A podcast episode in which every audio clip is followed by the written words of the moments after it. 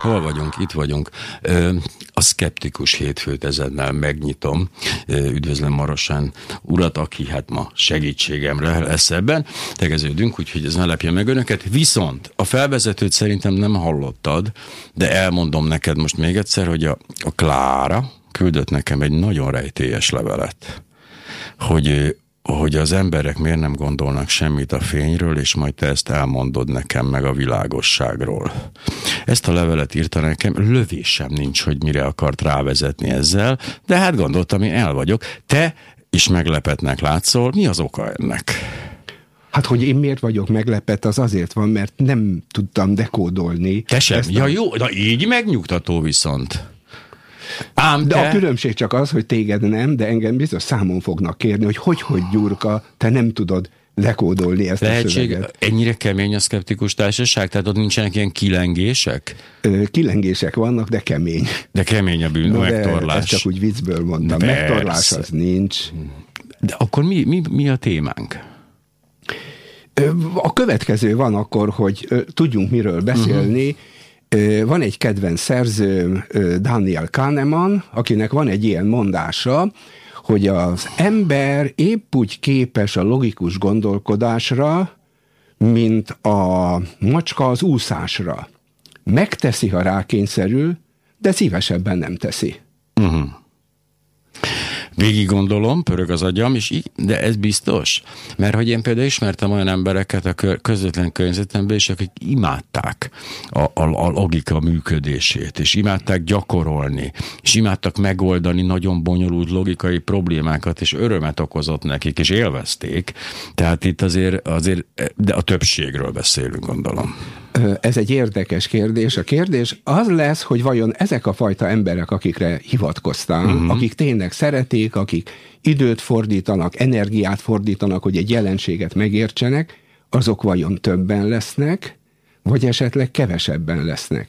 És még egy érdekes kérdés van, hogy a világ, amely körülvesz minket, olyan lesz-e, amiben nyugodtan ö, cselekedhetsz, viselkedhetsz ösztöneidre támaszkodva, mert a múltból megtanult, átvett minták úgyis jól működnek, vagy a világ olyan lesz, amelyben bizonytalanság van, amiben a régi viselkedési formák adott esetben problémákra egy ország esetében akár katasztrófához is vezethetnek, és az állításom, bocsánat, az, hogy a 21. században a világ alapvetően megváltozik, és emiatt volna szerepe, hogy visszautaljak a, a szkeptikusságra, vagy a szkeptikus hozzáállásra, vagy még inkább a tudománynak a valamilyen értelembe vett tiszteletére. Tulajdonképpen, mintha a múltkori beszélgetést folytatnánk, mert ugye nekem az a az a véleményem erről, mert haladjunk sorrendbe, hogy a hülyék száma konstans. Tehát én azt gondolom, hogy se több, se kevesebb nem lesz belőlük, ezen nem segített sem a felvilágosodás, és nem rontott a, sem a, a középkori mágia, mágia rakási szokás. Tehát azt gondolom, hogy a számuk állandó, a felületük tehát a, a, igazából a hangjuk erősödött fel azáltal, hogy míg a középkorban az ilyen nagyon hülyék, azért többnyire valahol ott a sárban voltak és csöndben, vagy pedig ugye a különböző udvarokban intézték a kivégzéseket, és az inkvizícióval foglalkoztak, de azért a mostani 21. századi korban, amikor egészen, tehát ugyanolyan hangosan tud egy okos ember is megszólalni, mint egy nagyon hülye is. Tehát nem, igazából nagyon nehezen lehet elkülöníteni a hangját ebben a kórusban, amit folyamatosan hallunk. Ez egy kicsit az megnöveli a jelentőségüket, és úgy tűnik, mintha sokkal többen lennének. Ez igaz, hagy mutassam be ezt esetek egy másik oldalról, erre próbáltam célozni akkor, hogy a szituációk változnak. Tehát amikor az emberek hagyatkoznak ösztöneikre, ez más és más szerepet játszik, attól függően, hogy a fejlődésnek milyen szakaszán vagyunk. Időközönként a fejlődés neki lendül, a társadalom alapvetően átalakul, és ilyenkor a régi modellek érvényüket veszik, és ki kéne találni újakat. Ezekben a időszakokban, ha valaki a régire hivatkozik, vagy megfontolatlanul cselekszik, sokkal súlyosabb lehet. Kivéve abban az esetben, ha én, mint egy egy ország, egy nép, egy csoport vezetője, azt nem gondolom, hogy bár a helyzet változik, a egész társadalom megbojdul, de hogyha őket én ott tartom, hogy ők csak nézdenek a régire, és hogy az aranykorra visszatekintve hallgassanak az esztenik, és lassan mondják, lassan csinálják azt, amit én mondok, akkor ők úgy érzik, hogy biztonságban vannak, ez megvédi őket a változások sebességétől és gyorsaságától, én pedig iszonyatosan gazdag leszek. Tehát azért ez működik. Vagy legalábbis hatalmon leszek. Ez igaz, de ennek a folyamatnak a végé, illetően láttam még egy évtizede a New Yorkerben egy ö, ö, rajzot, ami egy öreg amerikai házaspárt mutatott a házában, amit vélhetően valamikor körbevett mindenféle zöld mező és fák, és most egy, hogy hívják, volt egy sivatag volt, és az egyik azt mondja a másiknak, az egészben az a legszomorúbb, hogy ezeknek a rohadt környezetvédőknek lett igazuk.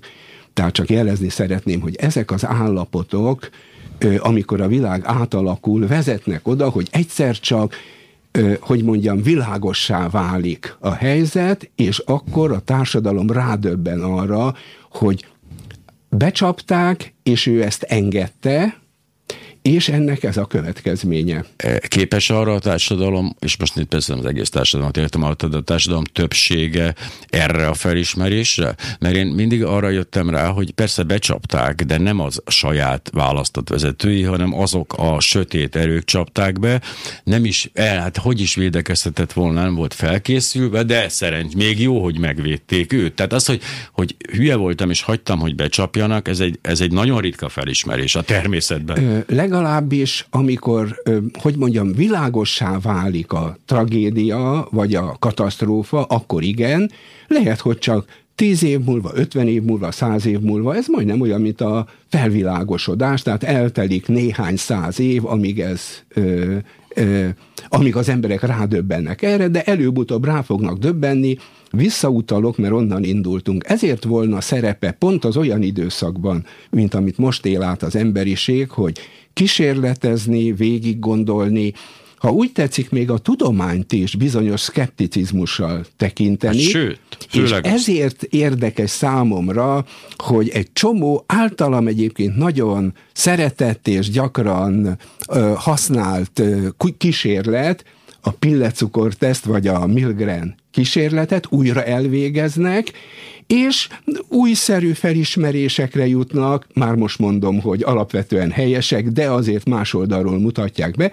Tehát a tudománynak ezt a fajta szerepét semmit ne fogadj el, hogy mondjam, meggondolások nélkül, mindig, mindig, prób, mindig jogodban áll kicserélni a régi ismereteket újabbakra, de ezt valamiképpen Egy fontos kell. kivételt mondanék a hallgatóknak, a, mielőtt lelépünk az útra, nézzünk körül. Ezt nem kell tesztelni, tehát hogy igenis nézzenek körül. De tehát... ez attól függ, hogy hol vannak?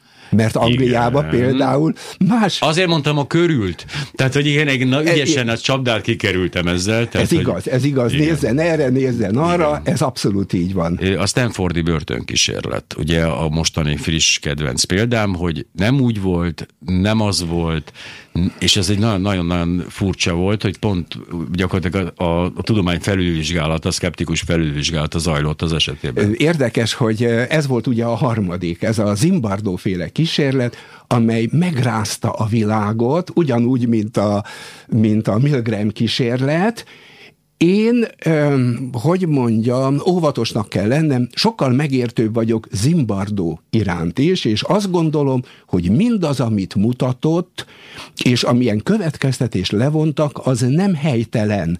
De, ja nem, én sem mondanám, hogy megcáfolták. Nem, ez azért érdekes, mert, mert sokszor a, a sajtóból, a médiából az jön, hogy lám csak az sem volt igazi. Kettő, ezt egyébként fölhasználják arra, nem azt akartam mondani, hogy részben indokoltan, de csak nagyon kevéssé indokoltan, hogy azt mutassák meg, hogy lám, ezek a tudósok nem mindig etikusak, és nem mindig gondolnak végig mindent.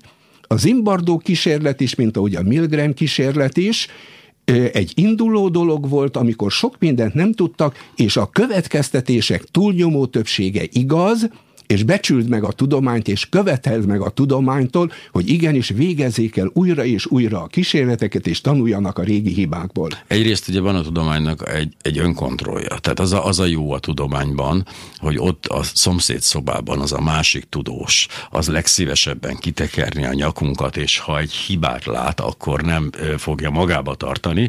Tehát van egy belső folyamatos tisztulási folyamat, és van egy külső is, mert hogy a tudomány nem egy, egy szekta, tehát hogy bárki beleszólhat, csak legfeljebb hülyeséget beszél, de mondjuk egy teljes laikus is kiszúrhat problémát. Egy nagyon érdekes erről, amit most elmondtál, jutott eszembe, hogy ö, Amerikában például szokásos, hogy megjelenik egy könyv egy közgazdásztól, és kiadják hallgatóknak, hogy kritizálják meg.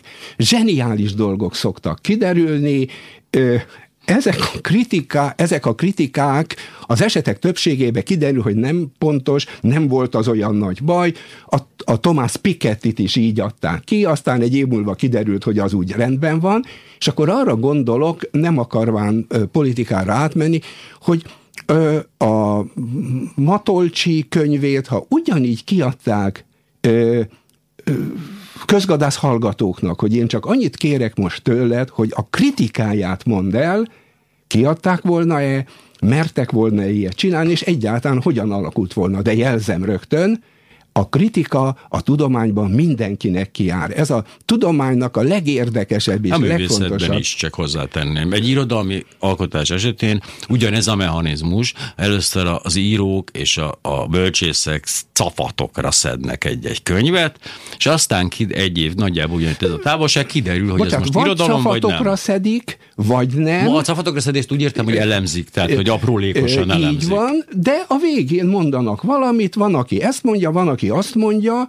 és ez a rend annak ellenére, hogy mind a tudományban, mind a művészetben van az iszmi, intézményesültségnek az a szintje, hogy mondjuk ezt nem illik kritizálni, Igen. de szerencsére ez mind a tudományban, mind a művészetben sokkal gyengébb, és előbb-utóbb... Tudományban, és a művészetben picit erősebb, tehát azért én emlékszem arra az időszakra, amikor az volt a közmegedés, hogy Eszterházi nem ír rosszat.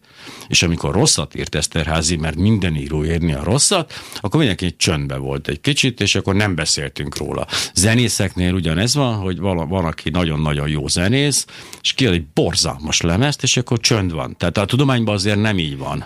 Ö, valóban, valóban, és e, tulajdonképpen erre mondanám azt, hogy ezért szeretjük a tudományt. Bár ezért nehéz a tudományban lenni. Nagyon érdekes, úgy Eszterházi kedves kedves íróm, és hogy tulajdonképpen az alkotóknak segít a kritika. Ö, édesanyám mondta, bocsánat, hogy a kudarc jobb jellemformáló, mint a siker, és ez egy abszolút igazság, ez nem egy kellemes dolog, nem. Én, mint úszó, mint sportoló értettem ezt meg, de az ember lassanként hozzászokik. Ezért veszélyes azok a fajta politikai rendszerek, ahol a ö, vezért és az egész piramisát nem lehet kritizálni, mert azt a szükséges visszacsatolást nem kapja meg, ami egyébként neki eligazítást adhatna. Igen, ez abba a kritika és az egész jelenfejlődés és a, a tett és annak a ellentetje akkor fontos és akkor működik, hogyha a vezér nem tökéletes. De ha valahol a vezér tökéletes, akkor nyilván ezek csak felesleges sallangok lennének, és minek?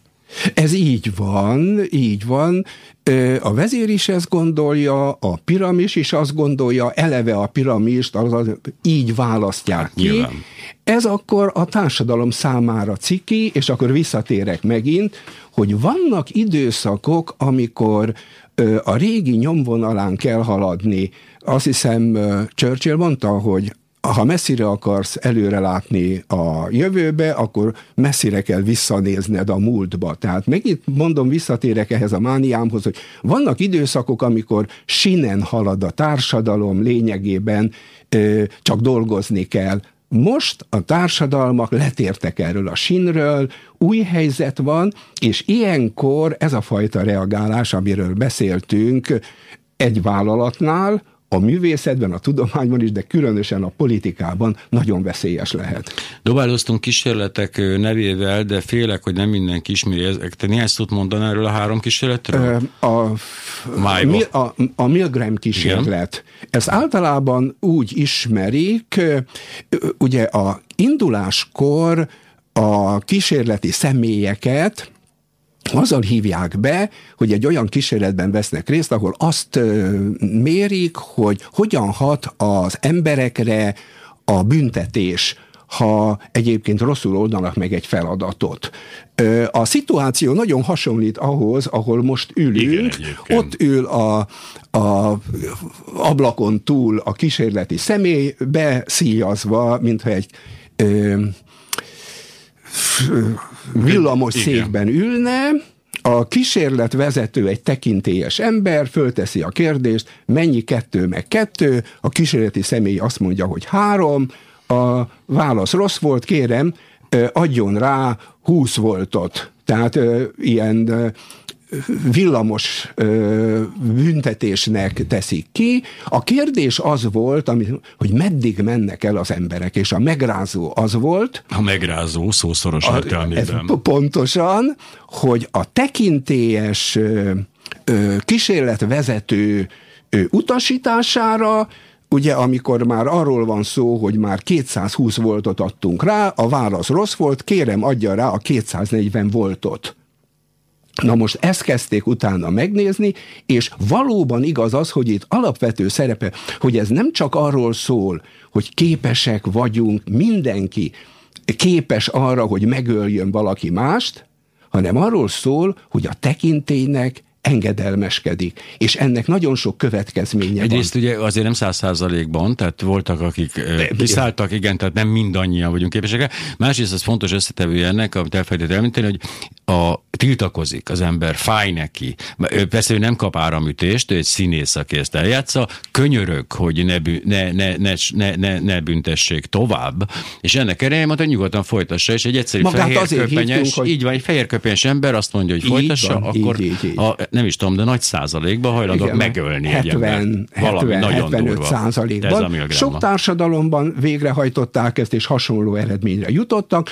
A ezt ehhez képest egy sokkal kellemesebb dolog, ez nekem az egy ilyen kedves kísérletem, a következő van, ugye a kutatók először ebbe a hibába én is beleestem, azokkal kísérleteznek, akik a kezük ügyében van, tehát hallgatókkal, illetve ebben az esetben a, a, az egyetemnek, Stanfordi Egyetem óvodájában. A kísérlet a következő, gyerekek elé letesznek a kedves ennivalójukat, vagy édeségüket, az a pillecukort, és a következőt mondja a tanít, a óvónéni. Nekem most ki kell mennem. Ha képes vagy megállni, hogy nem veszel belőle, mikor visszajövök 15 perc múlva, megkétszerezem a számát. Döntsd el, hogy eszel-e vagy sem. Ugye az eredmény az volt, hogy volt, aki ellen tud állni, és volt, aki nem. A legérdekesebb azonban az volt, és ez megint csak a tudományra jellemző, hogy egy követéses vizsgálatot csináltak. És amikor tíz év múlva visszatekintettek, mi lett azokkal a gyerekekkel, ugye itt ilyen négy-öt-hat éves uh-huh. gyerekekről van szó, akkor kiderült, hogy az, aki ellen tudott állni a csábításnak, azok elvégezték az egyetemet, nem kerültek összeütközésbe a rendőrséggel, állást kaptak, stb. Már hogy 20 év múlva. Már, igen. Nem 10. Jó, jó, jó, igen, igaz. Akik viszont nem, azok különböző problémákkal, kábító dologgal küzdöttek. Az újra elvégzett kísérletekben a probléma az volt, hogy azt mutatták ki érdekes módon, bár ez a kísérletekbe beleillik, hogy a felső középosztály gyerekei szerepeltek itt jól. Most én is csak egy elméletet kovácsolok ehhez, hogy ennek döntően az az oka, hogy a gyerek milyen környezetben nő fel. Van-e ajándék, és biztos lehet-e abban, hogyha ígérnek, teljesül. E, igen, ez a kísérletnek az egyik lényeges eleme. Pontosan, amit akkor kevésbé hangsúlyoztak, és ebből következik, hogy egy, egy gyerek, aki olyan környezetben nő föl, ahol nincs ajándék, soha nem kapok. Kettő. Ha ígérnek, nem biztos, hogy betartják, az akkor rögtön elveszi. Tehát ennyiben a pillecukorteszt kísérlet is valóságos, megfontolandó eredményekre vezet, és e, tulajdonképpen alátámasztja a kísérletnek a elmondott eredményeit. Tehát szeretném, bocsánat, Igen. ezzel megvédtem azt, amit csináltak, bár mindig ott van, hogy nézd meg a feltételeket, nézd meg, hogy ö, konkrétan hogyan végezték el, és ezt a tudomány mindig megteszi. De sokkal összetettebb így ez a kísérlet értelmezése, mint, a, mint az, ami, hát de az a baj, hogy azt is csak a sajtóból ismerünk mindannyian, tehát az ott mindig már eleve leegyszerűsített. A Stanfordi börtönkísérlet viszont ez egy nagyon híres, nagyon szórakoztató, megfilmesített Megjelent a könyv volt. is, a, a mm, Lucifer. Oh. Ö, Lucifer teszt, vagy valami ilyesmi, Meg tehát magyarul nézem. is megjelent. Oh. A, a, a, hogy hívják viszont, a, a Zimbardo többször járt Magyarországon, és nagyon érdekes kísérleteket is indított ki. Ugye a Stanfordi Egyetem ö, picit hasonlít, és annak nyomvonalán volt a Milgren után. A következő van, behívnak hallgatók. A Lucifer hatás. Lucifer hatás, így van, bocsánat behívnak hallgatókat, és véletlenszerűen szétosztják, hogy akkor te egy kísérletben veszel részt, te börtönőr leszel, te pedig börtön töltelék. Hogy ez hogyan hat rájuk, és az érdekes az volt, ahogyan egy idő múlva, hogy mondjam, a börtönőrök elkezdtek valódi börtönőrként, és a... Sőt, azon túlmenően mert ugye valódi börtönötként ugye azt képzeljük el, egy tisztességes, normális börtönört képzelünk el, aki szigorú, de igazságos. Ez, így van. Ebből egyébként rögtön következett. Nagyon érdekes, hogy, hogy a börtönökben ö, annak ellenére, hogy megvannak a szabályok, nagyon vigyázni kell arra, hogy ne szabaduljon el a pokol, mert maga ez a viszonyrendszer, hogy mondjam, ösztönzi az embereket, akár a zaklató, akár az alávető viselkedésre. Szóval ez a dolog indult el, és amikor elszabadult a pokol, akkor valami, akkor le kellett állítani a kísérletet, ekkor kezdődött az el, hogy a tudományos kísérleteknek bizonyos fajta etikája van, vigyázni kell, hogy egy kísérletet megcsinálsz -e, mit kell megmondani a kísérletben résztvevőknek, hogy dönteni tudjanak, hogy ő részt akar-e venni, vagy sem. Ugye ez mind az 50-es, 60-as években zajlik le, és ez volt az a pillanat, amikor nagyon sokat megismertünk az embernek. Az emberről nagyon sokáig mindig úgy beszéltek, hogy az ember jó, az ember gonosz. Az, az derült ki, hogy, hogy az ember milyen, ez az emberek túlnyomó többségére igaz, ez a körülményektől függ. A politikus felelőssége tehát abban van, hogy milyen feltételeket, milyen körülményeket teremt, és hogyha egy társadalomban elszabadul a félelem, akkor számítanod kell arra, biztos lehetsz abban, hogy a gyilkosság, a megfélemlítés és más el fog indulni. Igen, hát a lincselési hangulat az, az, hogy is mondjam, elég komoly támogatást kap jelenlegi köz, kö, környezetünkben. Tehát ez a pogorom hangulat. Nem, még, még azt is mondanám, ez az érdekes, hogy a politikus és akkor most országtól függetlenül mondom, nem akar lincseltetni. De és ez az érdekes. Amikor bizonyos feltételeket létrehozol, akkor ebből az lesz. Bocsánat, egy másik Bocs, csak ez, ez, hogy nem akar lincseltetni, ez igazából úgy pontos ez a kifejezés, hogy a, egy politikus nem akar lincseltetni, de visszajelzést és tudomást akar arról szerezni, hogy ha akarna lincseltetni, akkor azok az emberek lincselnének, és ez nagyon a határon van ám. Mondok egy példát, ami megint csak kísérletekre uh-huh. vonatkozik, ami érdekes volt nekem. Nemrég, a, nemrég, tehát legalább egy éve a, in, az Indexen megjelent egy hír, egy Kentucky Fried Chickenes zaklatásról. Egy újságírót a biztonságiak kivezettek. És akkor eszembe jutott, hogy volt egy nagyon érdekes kísérlet erről, aminek az volt a lényeg. Konkrétan megverték szegény Igen. Szabózét, de a kivezetés az egy eufemizmus jó, jó, volt. Jó. Na majd Igen? erre visszatérek a végén. Volt egy nagyon érdekes kísérlet. A kísérletben azt vizsgálták, hogy mit vált ki az emberekből, hogyha ők alacsony státuszúak és magas hatalmi helyzetbe helyezed őket. Hagyományosan a zaklatás az volt, hogy egy magas státuszú zaklatott egy alacsony státuszút. Ezekben a helyzetekben az alakult ki, hogy hogy alacsony státuszú embereket kezd, helyeztek magas hatalmi helyzetben, ez olyan volt, mint amikor én tartalékos tisztként továbbszolgáló örmestelek kezeügyébe kerültem, és azt mutatták ki, hogy ilyenkor az alacsony státuszú hajlamos lesz zaklatni. És ez azért érdekes, mert aki ilyen helyzetet létrehoz, annak tudnia kell, hogy ennek a végeredménye zaklatás lesz. Nem konkrétan most zaklatom, de hogy ezek a szituációk folyamatosan ö, ezeket fogják képezni, és akkor bocsánat, még egy dologra visszatérve, erre volt számomra nagyon érdekes, hogy utána egy két vagy három hónappal megjelent szint, szintén az Indexen egy érdekes hír, kidobó ember voltam Svájcba.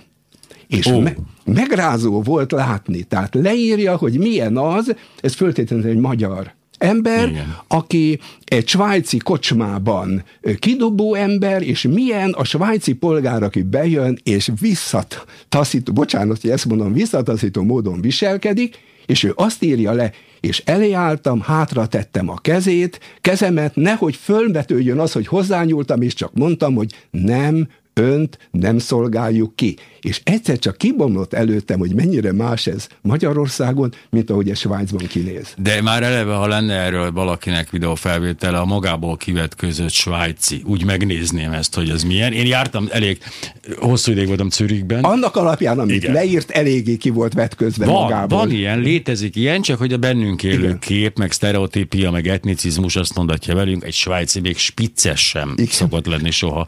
De menjünk, menjünk vissza egy picit megint a, a, a kezdetek, nem a kezdetek kezdetére, de már nem megyünk vissza, de ebbe a, ugye a alacsony státuszú ember magas hatalmi pozícióban, itt nem kell magas, a magas hatalmi pozíciót ne államtitkárként képzeljük el, hanem ez egy buszvezető is lehet, Így van, pontosan. aki bezárhatja az ajtót, vagy kinyithatja pontosan, az ajtót. Pontosan. Tehát ez egy Ebben a szituációban egy magas van. hatalmi helyzet. Tehát tulajdonképpen az volt, az az érdekes, ugye én nagyon gyakran a menedzsment nagyon szeret, bocsáss meg, bocsáss meg, Marosány György a vendégem, híreket akarnak mondani, de jövünk utána vissza. A hírek után zenélünk, és a, mindjárt erről az alacsony magas státusz, ez a, a, a helyzet hatalmáról beszélgessünk kicsit, mert imádom ezt a dolgot. A szkeptikus hétfő visszatér. És visszatértünk. Könyveket ajánlgatunk egymásnak, de ezt szerintem nem folytatjuk a adásban is, mert hogy rákerestem erre a könyvre, és akkor rájöttem, hogy Zimbardónak több könyv is megjelent, sok könyve megjelent, mondjuk a négy kötetes pszichológiai, azt most kihagyom, de az összes többit, és hogy akkor mondtad a Brooks, Brooks? David Brooksnak nek, rám nagyon nagy hatást tett, ah, a társas van. lény, és ez azért volt érdekes, mert ez egy, ez egy párhuzamos karriertörténet, uh-huh. egy halmozottan hátrányos helyzetű lány, akinek a mamája azt hiszem dél-koreai, a papa mexikói, és hamar ott hagyja, és a, és a mama kábítószer problémákkal küzdik, és a kislány mindenáron följebb akar jutni, és egy felső középosztálybeli fiúnak a kapcsolata is veszi végig, de ami miatt ez nekem nagyon tetszett, hogy a fordulópontokat részben azokat a kísérleteket, amiről beszéltünk, ezt eh, David Busz belefűzi. Tehát amikor azt mondja, hogy miért viselkedett így, van egy kísérlet, meg lehet nézni, mm-hmm. tehát ebből a szempontból volt számomra nagyon ja, érdekes. A hallgatóknak mindig szoktam mondani, meghökkentő, hogy elmondjam a, a hölgy egyébként ebből a helyzetből egyébként Amerika miniszterelnöke lesz, tűnik az elnöknek a a, a kormánynak tulajdonképpen a vezetője lesz, és ezt mutatják végig meg. Na de a helyzet hatalmára visszatérve, illetve ott, ott fejeztük be a beszélgetésünket, ott függesztettük fel egy időre, hogy ugye ez a, ez a, a, a, a buszvezető. Igen. És hogy a, az zaklatás most nagyon fontos megint csak, hogy értelmezzük, most az zaklatást általános értelemben használjuk mindig, most mindenkinek ugye a, a, a másféle, ez a szexuális zaklatás jut az eszébe, de nem, a zaklatás az ennél egy sokkal nagyobb egységet képez, és zaklatás például az, hogyha bezárják az orrunk előtt a busz ajtaját, vagy ha a parkőr ö, azt mondja, hogy mi nem mehetünk arra, csak arra mehetünk, nem enged át minket egyik irányba, igen. Ha, ha becsukják az ajtaját, ez egy nagyon érdekes kérdés, Igen. de tulajdonképpen mellékszál, akkor ha a buszvezetőnek megvan, hogy mikor kell tovább menni. Ha ő korábban zárja be, mert látja, hogy valaki olyan jön, részeg jön, vagy hajléktalan, vagy... Antipatikus. És, te, antipatikus, és akkor zárja be, az az aklatás. Há, hogyne? Ha, ha mert lejárt az idő, és neki tovább kell menni, akkor nem zaklatás, és én éppenséggel azt szoktam nézni, rögtön mondom minden, a 92-es buszon szoktam járni. Mostantól figyeljenek! Hogy nagyon jók a gépkocsi, a buszvezetők, mert ha látják, hogy valaki rohan, megvárják és fölveszik. Ez opcionális. Igen, mert hogy azt mondjuk, hogy az idő, tehát mondjuk a japán, japán vonatajtóknál nincs ilyen probléma, azt bezárják. De itt mindig várunk egyfajta emberséget, amikor mi cekkerekkel a jó, futunk. A jó ö, bürokratikus rendszerek így működnek. Tehát azt szoktam mondani, hogy ahhoz, hogy egy társadalom olyan legyen, mint Svájc, először bürokratikus rendszeré kell várni. Szabályok vannak, és mindenkinek azt be kell tartani, és aztán eljutsz oda, hogy a szabályokat viszont megengedem, hogy bizonyos helyzetekben értelmezd és bizonyos fajta fölmentést adjál. De egy pillanatra visszatérve, remélem nem nagyon haragszak. Csak még a zárójel, ez egy zárójelet kapcsolnék, hogy van az a buszvezető poén egymás között, hogy aki fut a sportol, aki integet, az köszön, aki a megállóban áll, az az utas. De ez egy ilyen belterjes poén a vezetők körében, és ezt nem alkalmazzák szerencsére. De de várjon, velem az gyakran megesik, mert szeretek rohanni, hogy kinyitják mégil, már elindul, és mégis kinyitja, és azt mondja, gratulálok, mert nagyon jól igen, futott végig. A, az az igazság, hogy És erre vigyázni kell. Mondom, hogy ez biztos a belvárosban ez másként kell működni, nálunk ott ez így működik, de az jutott eszembe, hogy van a Vöresnek egy verse, a körülmények hatalma a tettet fogva tartja. Hol vadászni vadítja, hol csendre idomítja, hol fogóként kitárja, hol tétlenségbe zárja. Zseniális kis versike, és tulajdonképpen az a szituáció, amiről beszélünk, és Igen. ez is ez. Tehát azt akarom mondani, hogy a azt, hogy az emberek hogyan viselkednek, az döntően a körülmények, a feltételek határozzák meg, ezért van nagy szerepe, hogy milyen feltételek közé helyezed. A svájci esetleg megkérdőjelezhető példában is arról van szó, hogy valaki jön Magyarországról, de Svájcban így kell viselkedni. És akkor bocsánat, még egy kísérlet jutott Hogyne. itt eszembe erről, ami nagyon tetszik, Sváj, ö, Angliában, Oxfordban csináltak egy ö, kísérletet, amiben azt nézték meg, hogy a hallgatók mennyire hajlandó korumpálni, korrupciós kísérletet. És a következő volt, a, amivel a kísérlet eredményeit befejezték. Az első éves hallgatóknál, akik tehát most szerte a világról jöttek, annélkül, hogy megmondanák, hogyan, honnan jöttek, az eredményből ki lehet találni, hogy honnan jöttek, hogy milyen mértékben hajlandó korumpálni, a negyedéves hallgatóknál viszont ez el, eltűnt. Ez egy jó oktatási intézmény ez, ez esetben. Ha fordítva lenne... Nem, és nem csak az oktatási intézmény, hanem a társadalom. Tehát meg, addig megtanulják hmm. az emberek, hogy ez, ez egy olyan társadalom, ahol korrupció nincs, hanem ami jár, az jár, ami nem jár, nem jár.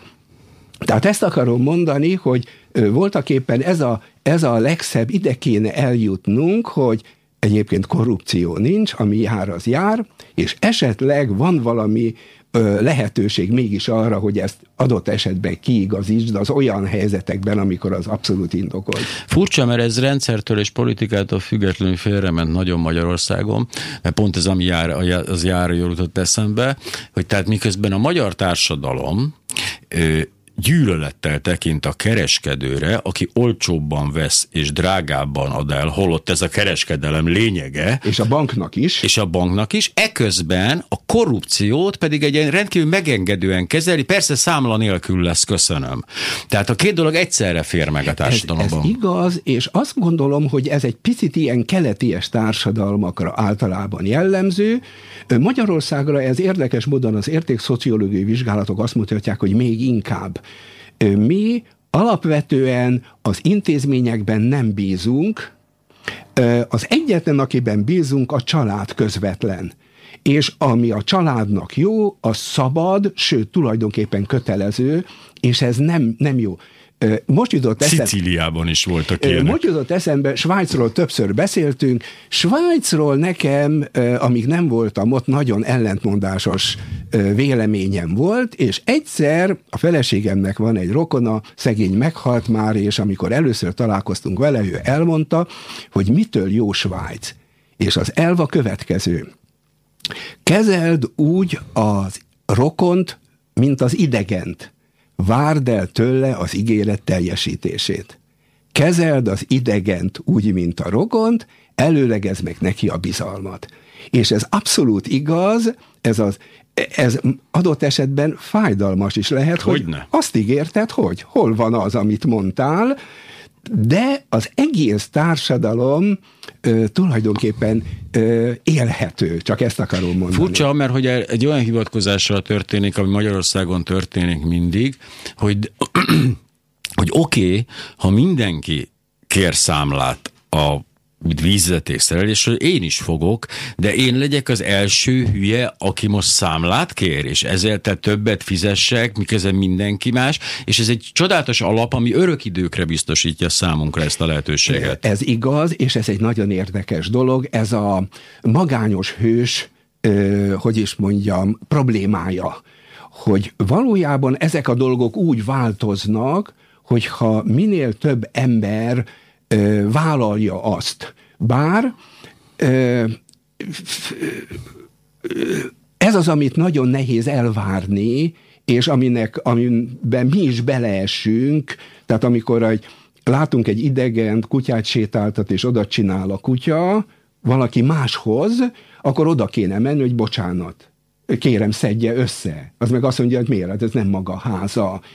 És az emberek ilyenkor inkább elfordulnak, na hát micsoda emberek vannak, és megy tovább, pedig szólni kéne. Tehát a mai... Tá- Érdekes módon egyébként, mint kutyás, eh, már az a ilyen lakáskutyás, tehát nem kerti kutyás főleg, eh, a kutyas sétáltató helyeken, illetve az ilyen parkokban, ahol van, ez működik.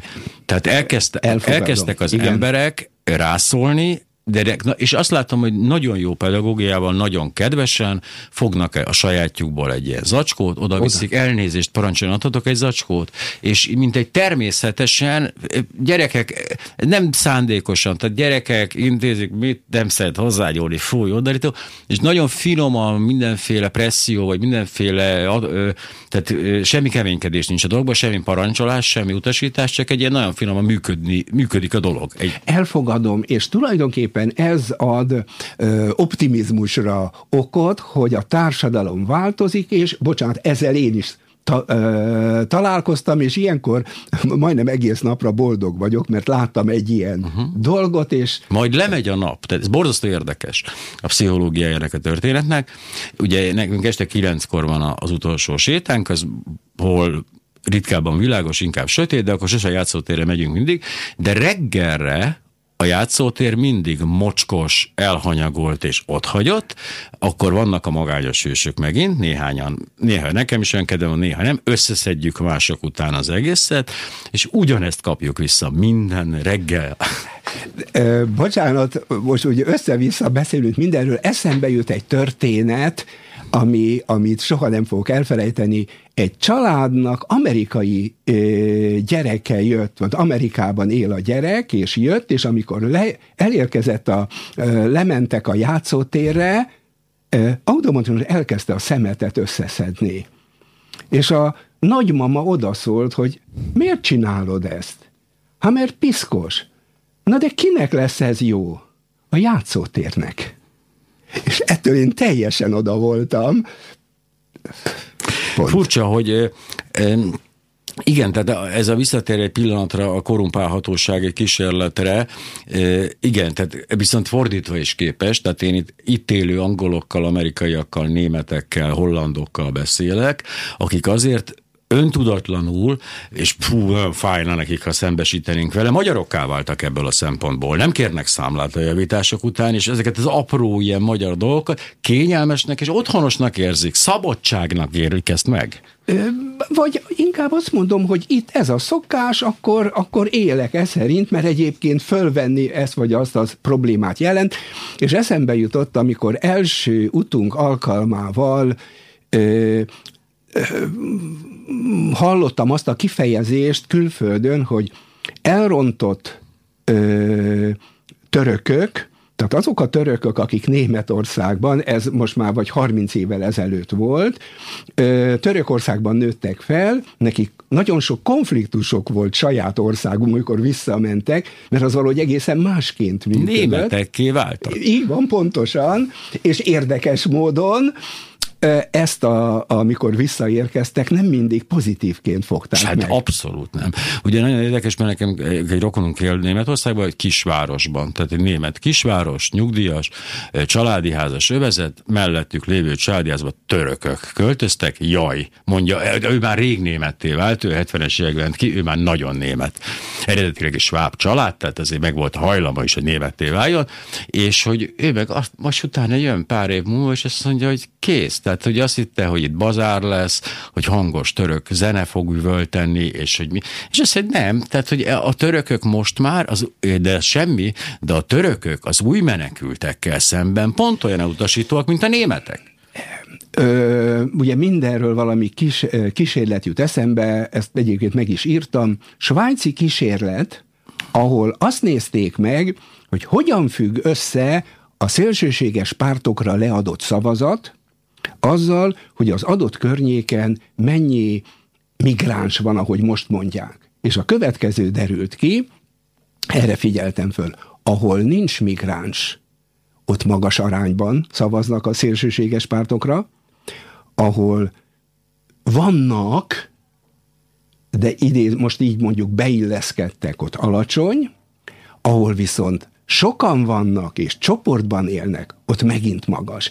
Ezzel csak azt akarom mm. mondani, hogy a, a demokratikus társadalmak nem figyeltek föl arra, arra a problémára, hogy az a sikertörténet, hogy egy van, kettő van, öt van, és nagyon jól, ahogy most mondtad, hogy igazi németté váltak, ebből nem következik, hogyha tovább nő a szám, akkor szintén. Hogy ne, hisz a, a francia gyakorlat, ami ugyancsak nem mondható túl sikeresnek ebbe a szempontból, de mégis az, ugye ők az egyénnek mindent, a közösségnek semmit alapon bántak a, a hozzáérkező letelepedni vágyokkal. Azaz azt mondták, hogy te a kedves Akmed, mindenben segítünk téged, villanyszerelő akarsz lenni, akkor itt arra van a, a templom, arra van az iskola, arra van az étterem, és ott fogsz lakni. Ez, ez így, ez így oké, okay? és hogyha mecsetet akarsz építeni, hát akkor annyira sajnálom, de valószínűleg azért jöttél el onnan, ahol neked mecseted volt, mert rosszul érezted magad, itt nem lesz mecset. Nagyjából a kanadaiak is ugyanezt csinálják, hát ők is azért majdnem franciák.